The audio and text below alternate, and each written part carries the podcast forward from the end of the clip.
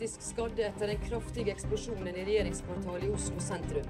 Dagene som følger, kommer til å kreve enda mer. Hurtigruten får kraftig kritikk etter smitteskandalen i sommer. Folk ble ikke testet i tide, mistanke om smitte ble ikke fulgt opp, og karantenereglene ble brutt. Det blir en uh, lang vei for oss. Jeg har svikta igjen og vil si unnskyld. Jeg har et alvorlig rusproblem bestående av alkohol, narkotika og piller i forbindelse med periodevis hard festing. Men Norge har kommet gjennom vanskelige tider før. Koronapandemien har tatt strupetak på en hel verden, og vi som jobber med å håndtere krisen, kjenner det på kroppen at dette har vart lenge allerede. Nå er vi lei av Teams-møter, vi er lei av hjemmekontoret, og stadig nye problemstillinger og en hverdag preget av restriksjoner. Og vi er jo langt fra i mål.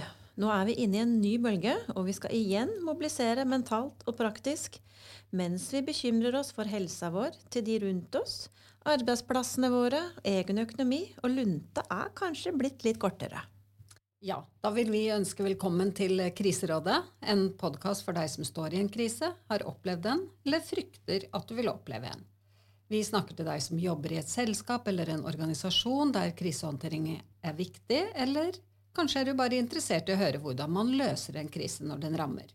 Og vi er Marianne Melfall og Siv Meisingseth, og episoden du hører på her nå i Kriserådet, handler om å stå i krise over lang tid. For hvordan sikrer vi nå at vi holder presisjon og tempo oppe? Hvordan sørger vi for å ha kapasitet til andre mulige kriser enn eh, koronaen? Hva gjør det med oss som krisehåndterere i forhold til motivasjon og handlekraft? Og greier vi å ta vare på oss selv og andre? I denne episoden av Kriserådet så snakker vi med noen av dem som er rammet, og en krisepsykolog om hva som skjer med oss som krisehåndterere, og noen gode råd for å fortsette å stå i dette. For én ting vet vi, og det er at utholdenhet er det nye gullet. Så for deg, Siv, eh, hva er det tøffeste i situasjonen nå? Har du, har du nok av det nye gullet utholdenhet? Jeg er ikke så sikker på det. Eh, det er vanskelig for veldig mange av oss nå som sitter på hjemmekontor. Vi ser jo at oppgaver løses, men det er jo noe som mangler, da. Altså disse hverdagsrutinene, bare det å ta T-banen til jobb, ikke sant. Stå foran kaffemaskina og skravle litt med kolleger. Kanskje får du en uh, fin idé av, av, av, noen kolleger som kommer med en god, uh, godt innspill. Alt dette savner jeg. Det er liksom så utrolig flatt og kjedelig. Mm. Nei, eh, jeg må jo si for egen del at jeg er nok av det mer analoge slaget enn det digitale. Jeg kjenner at hverdagen blir veldig intens. Og jeg har også jobbet mye. Så det som går igjen, er kanskje at jeg fortsetter å jobbe om natta. At hodet jobber. Eh, at det går utover søvnen. Jeg sover ikke godt, og det er det mange som snakker om. Og når det skjer, så setter hun seg litt i muskulaturen, blir litt stiv i nakken, litt vask. Og så er det jo da å ta seg sjæl litt i nakken jeg driver og padler litt, bader litt. Det hjelper. Men, eh, men, det blir fort lange eh, arbeidsøkter foran skjermen, altså. Mm. Altså, jeg har jo gått veldig mye i skogen disse månedene. Uh, bor jo ganske nær skogen, så det har gått ganske greit sånn sett. Men nå er jeg litt lei skogen, for å være helt ærlig. Får litt mer energi av folk enn av trær. Ja. Det er fort gjort, det. Ja. Mm. Men nå er det jo igjen nye innstramminger. Vi skal tilbake til hjemmekontoret, alle mann. Fikser vi dette nå? Ja, altså jeg, jeg, tror nok det er flere enn oss som savner folk. Eh, og så er det jo noe med at dette med hjem og hjemmekontor sklir litt inn i hverandre, da. Eh, men jeg tror jo også at vi har blitt som krisehåndterere mer drevne i forhold til å gjøre dette fra hjemmekontoret. Altså Mange har jo også rukket å gjøre en såkalt underveisevaluering. Justert litt på hvordan vi bruker møtene, hvordan vi kanskje organiserer oss, og gjort seg klar for en bølge to som vi nå ser ut som å være godt inne i. Og så ser jeg jo også at eh, det er mange som begynner nå å få kontroll på de digitale sjekklistene sine at vi nå har førstemøtetavler som ligger på Teams, eh, hvis ikke man da bruker Sim eller Raven. Eh, og det er viktig når folk nå blir slitne i krisehåndteringen, at de logger og dokumenterer. Det, det, er vi ganske avhengig av faktisk for å fortsette å holde presisjonen, da. Mm. Men så er vi jo litt nysgjerrige på hvorfor det er slik at vi blir så utrolig slitne av dette. Ja, og derfor har vi jo snakket med en som vet litt uh, om dette her. Psykolog Guri Bollingmo har jobbet uh, med beredskap i mange år, uh, og er i dag også ansatt ved Volvat medisinske senter som psykolog. vi har spurt henne hva er det som skjer med oss som står i en krise over tid, og fremdeles skal makte og greie, prestere og håndtere kriser. Når det gjelder den akutte eh, stress- og krisesituasjonen, så har vi jo en del instinktive reaksjoner som gjør at vi skal komme oss ut av en situasjon, eller som skal hjelpe oss til å håndtere en situasjon, sånn at vi får en veldig økt aktivering i kroppen, bl.a. ved hjelp av adrenalin. Det gjør jo at uh, vi kan bli faktisk fysisk sterkere, og er, altså blodet pumpes fortere rundt til enkelte deler av kroppen. Eh, men vi, kan, vi får altså sånne fysiologiske reaksjoner, men vi kan også få mentale reaksjoner og emosjonelle reaksjoner. og Det kan jo variere litt hvordan folk, eh, eh, hvilke type reaksjoner man får. Vi kan få problemer med hukommelsen og endret tidsopplevelse. Noen kan bli sinte og fortvilet. Andre kan bli veldig stille og fravær, fravær av følelser. Men, men, vi reagerer litt ulikt, og noen ganger er det hensiktsmessig, og andre ganger så kan noen av disse reaksjonene også være til hinder for oss. Men det er i en akutt stressituasjon, eh, og hvor denne aktiveringen er fornuftig. Ehm, over lang tid så vil det være andre stoffer som utløses i kroppen, bl.a. kortisol, som igjen kan påvirke eh, mottakeligheten for sykdom via at eh, kortisolet påvirker immunforsvaret vårt. Det vil jo være mindre hensiktsmessig og bli mer mottakelig for sykdom. Det andre er at uh, langvarig stress kan påvirke søvnkvalitet. Uh, det kan få atferdsendringer. Man kan endre si, type kosthold. Uh, måten man, si, rutinene vi har i løpet av dagen. Og, og, hvordan vi klarer da å håndtere problemløsning over tid. Vi kan bli dårligere på det. Sånn at langvarig stress er jo ikke nødvendigvis hensiktsmessig, fordi vi klarer, altså hvis vi ikke klarer å nedregulere den fysiologiske responsen vår, eh, sånn at vi også får hvile. fordi det er ikke sunt for kroppen vår å gå med en forhøyet beredskap eh, over tid. Så gitt disse faktorene, hva er det du tenker eh, organisasjoner kan gjøre for å rett og slett støtte sine krisehåndterere, de som står fremst i rekka her og må fortsette å håndtere krisen en stund? Hvordan kan man bistå? Mm. Nei, jeg tenker at man må, må legge til rette dette i forkant. altså Der er det så viktig at man i fredstid, for å kalle det det, har øvd og trent. Sånn at alle som sitter i en beredskapsorganisasjon vet hva er det jeg skal gjøre, hva er det kollegaene mine og teamet mitt skal gjøre, hva er det andre i organisasjonen og samarbeidspartnere gjør, sånn at jeg føler meg trygg på den jobben jeg skal gjøre. Det skaper en opplevelse av mestring og kontroll som er eh, veldig viktig i forhold til å kunne håndtere en krevende situasjon. Eh, informasjon og korrekt eh, informasjon eh, gjennom en krise, sånn at vi vet eh, hvordan er det vi kan forholde oss eh, på en god måte. Men dette er jo folk som nå står midt i krisa, og det er jo helt sikkert forskjell på hvorvidt man har gjort disse tingene i forkant. Hva kan de som ikke har vært helt forberedt, tenke på av disse tingene, og kanskje også være forberedt på andre typer kriser enn covid-19? Ja, jeg, jeg, tenker at det er viktig å vite at uh, vi trenger både hvile og mat også i en langvarig krise. Vi trenger uh, å kunne rotere, sånn at man har uh, flere som kan fylle én rolle f.eks.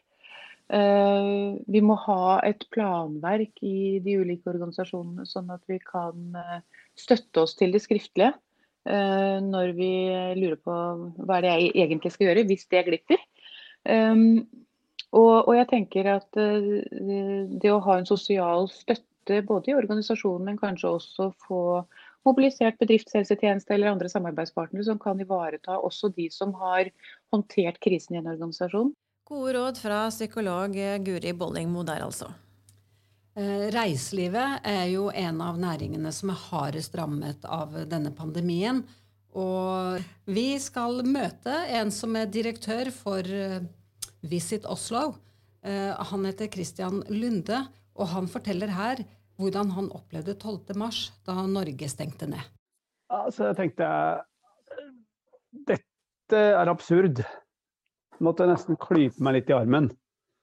Og, og kjente på at stenger vi virkelig? Jeg tror jeg måtte se på den pressemeldingen flere ganger for at jeg skulle forstå. Men tenkte du på hva dette ville bety for uh, din virksomhet, da, som er å drive med reiseliv i Norge? Ja, vi hadde jo uh, sett Vi var heldigvis litt forberedt 12.3. For vi hadde jo sett fra månedsskiftet februar-mars at dette eskalerte. Dette ble ikke bare kinesisk, det ble europeisk. Eh, vi så at denne, og jeg, vi dro litt sånn paralleller til SARS og andre pandemier som har vært, og tenkte at dette vil nok ramme oss. Og vi må forberede oss på en tøff vår og kanskje sommer. Eh, det var egentlig det vi var mentalt forberedt på, helt til man stengte Norge. Men fram til det så var vi mentalt forberedt på at eh, dette kom til å ramme næringen på kort og mellomlang sikt. Hvordan holder dere motivasjonen oppe nå som du sier dette kan være en krise som varer i kanskje to år? Ja, Hvis jeg begynner med mine kollegaer, da, så er det jo sånn at vi, vi har jo en eh, månedlig det vi kaller rikets tilstand eh, på Teams. Vi har jo innført eh, både mye større fleksibilitet i hjemmekontor enn det var før eh, covid-19. Som betyr at vi er jo sjelden samlet fysisk.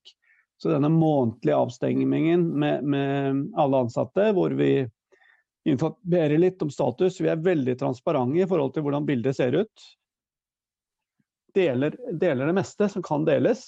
Og ikke minst så trekker vi inn da eh, aktiviteter som gjøres på avdelingene eh, for å holde informasjonsflyten oppe.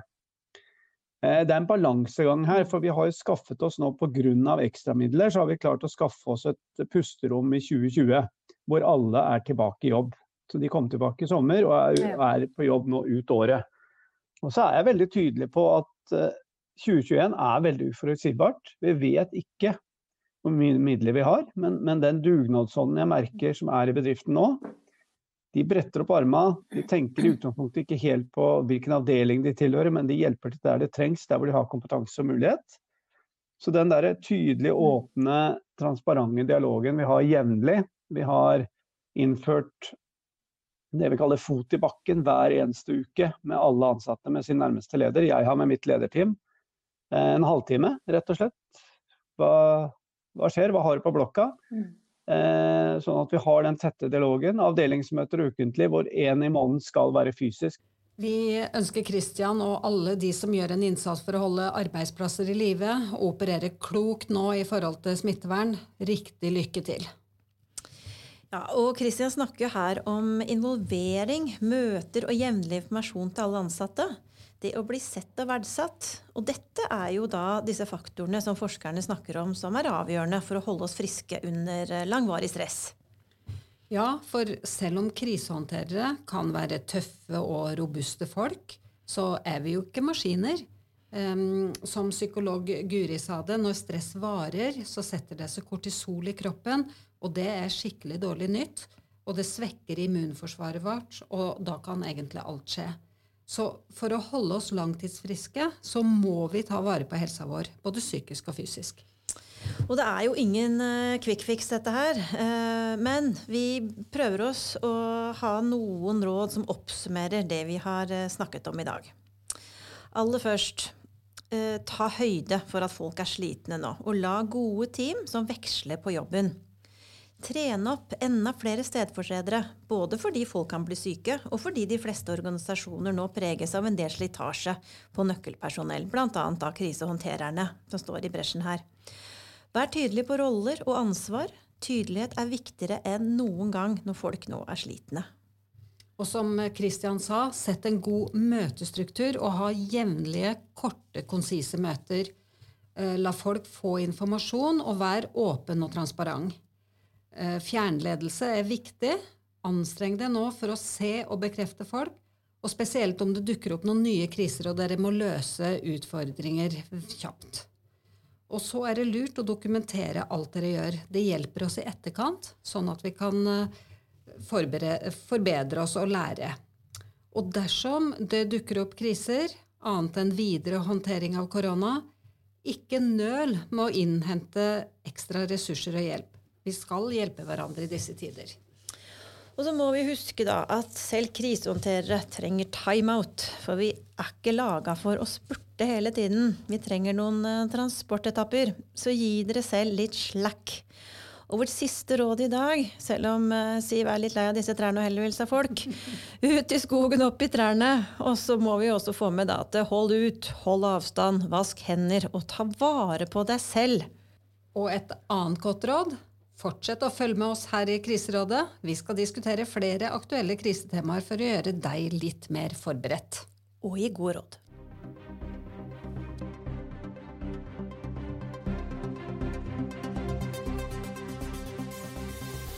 Du har nå hørt en episode av Kriserådet, en podkast teknisk tilrettelagt av Etern Media.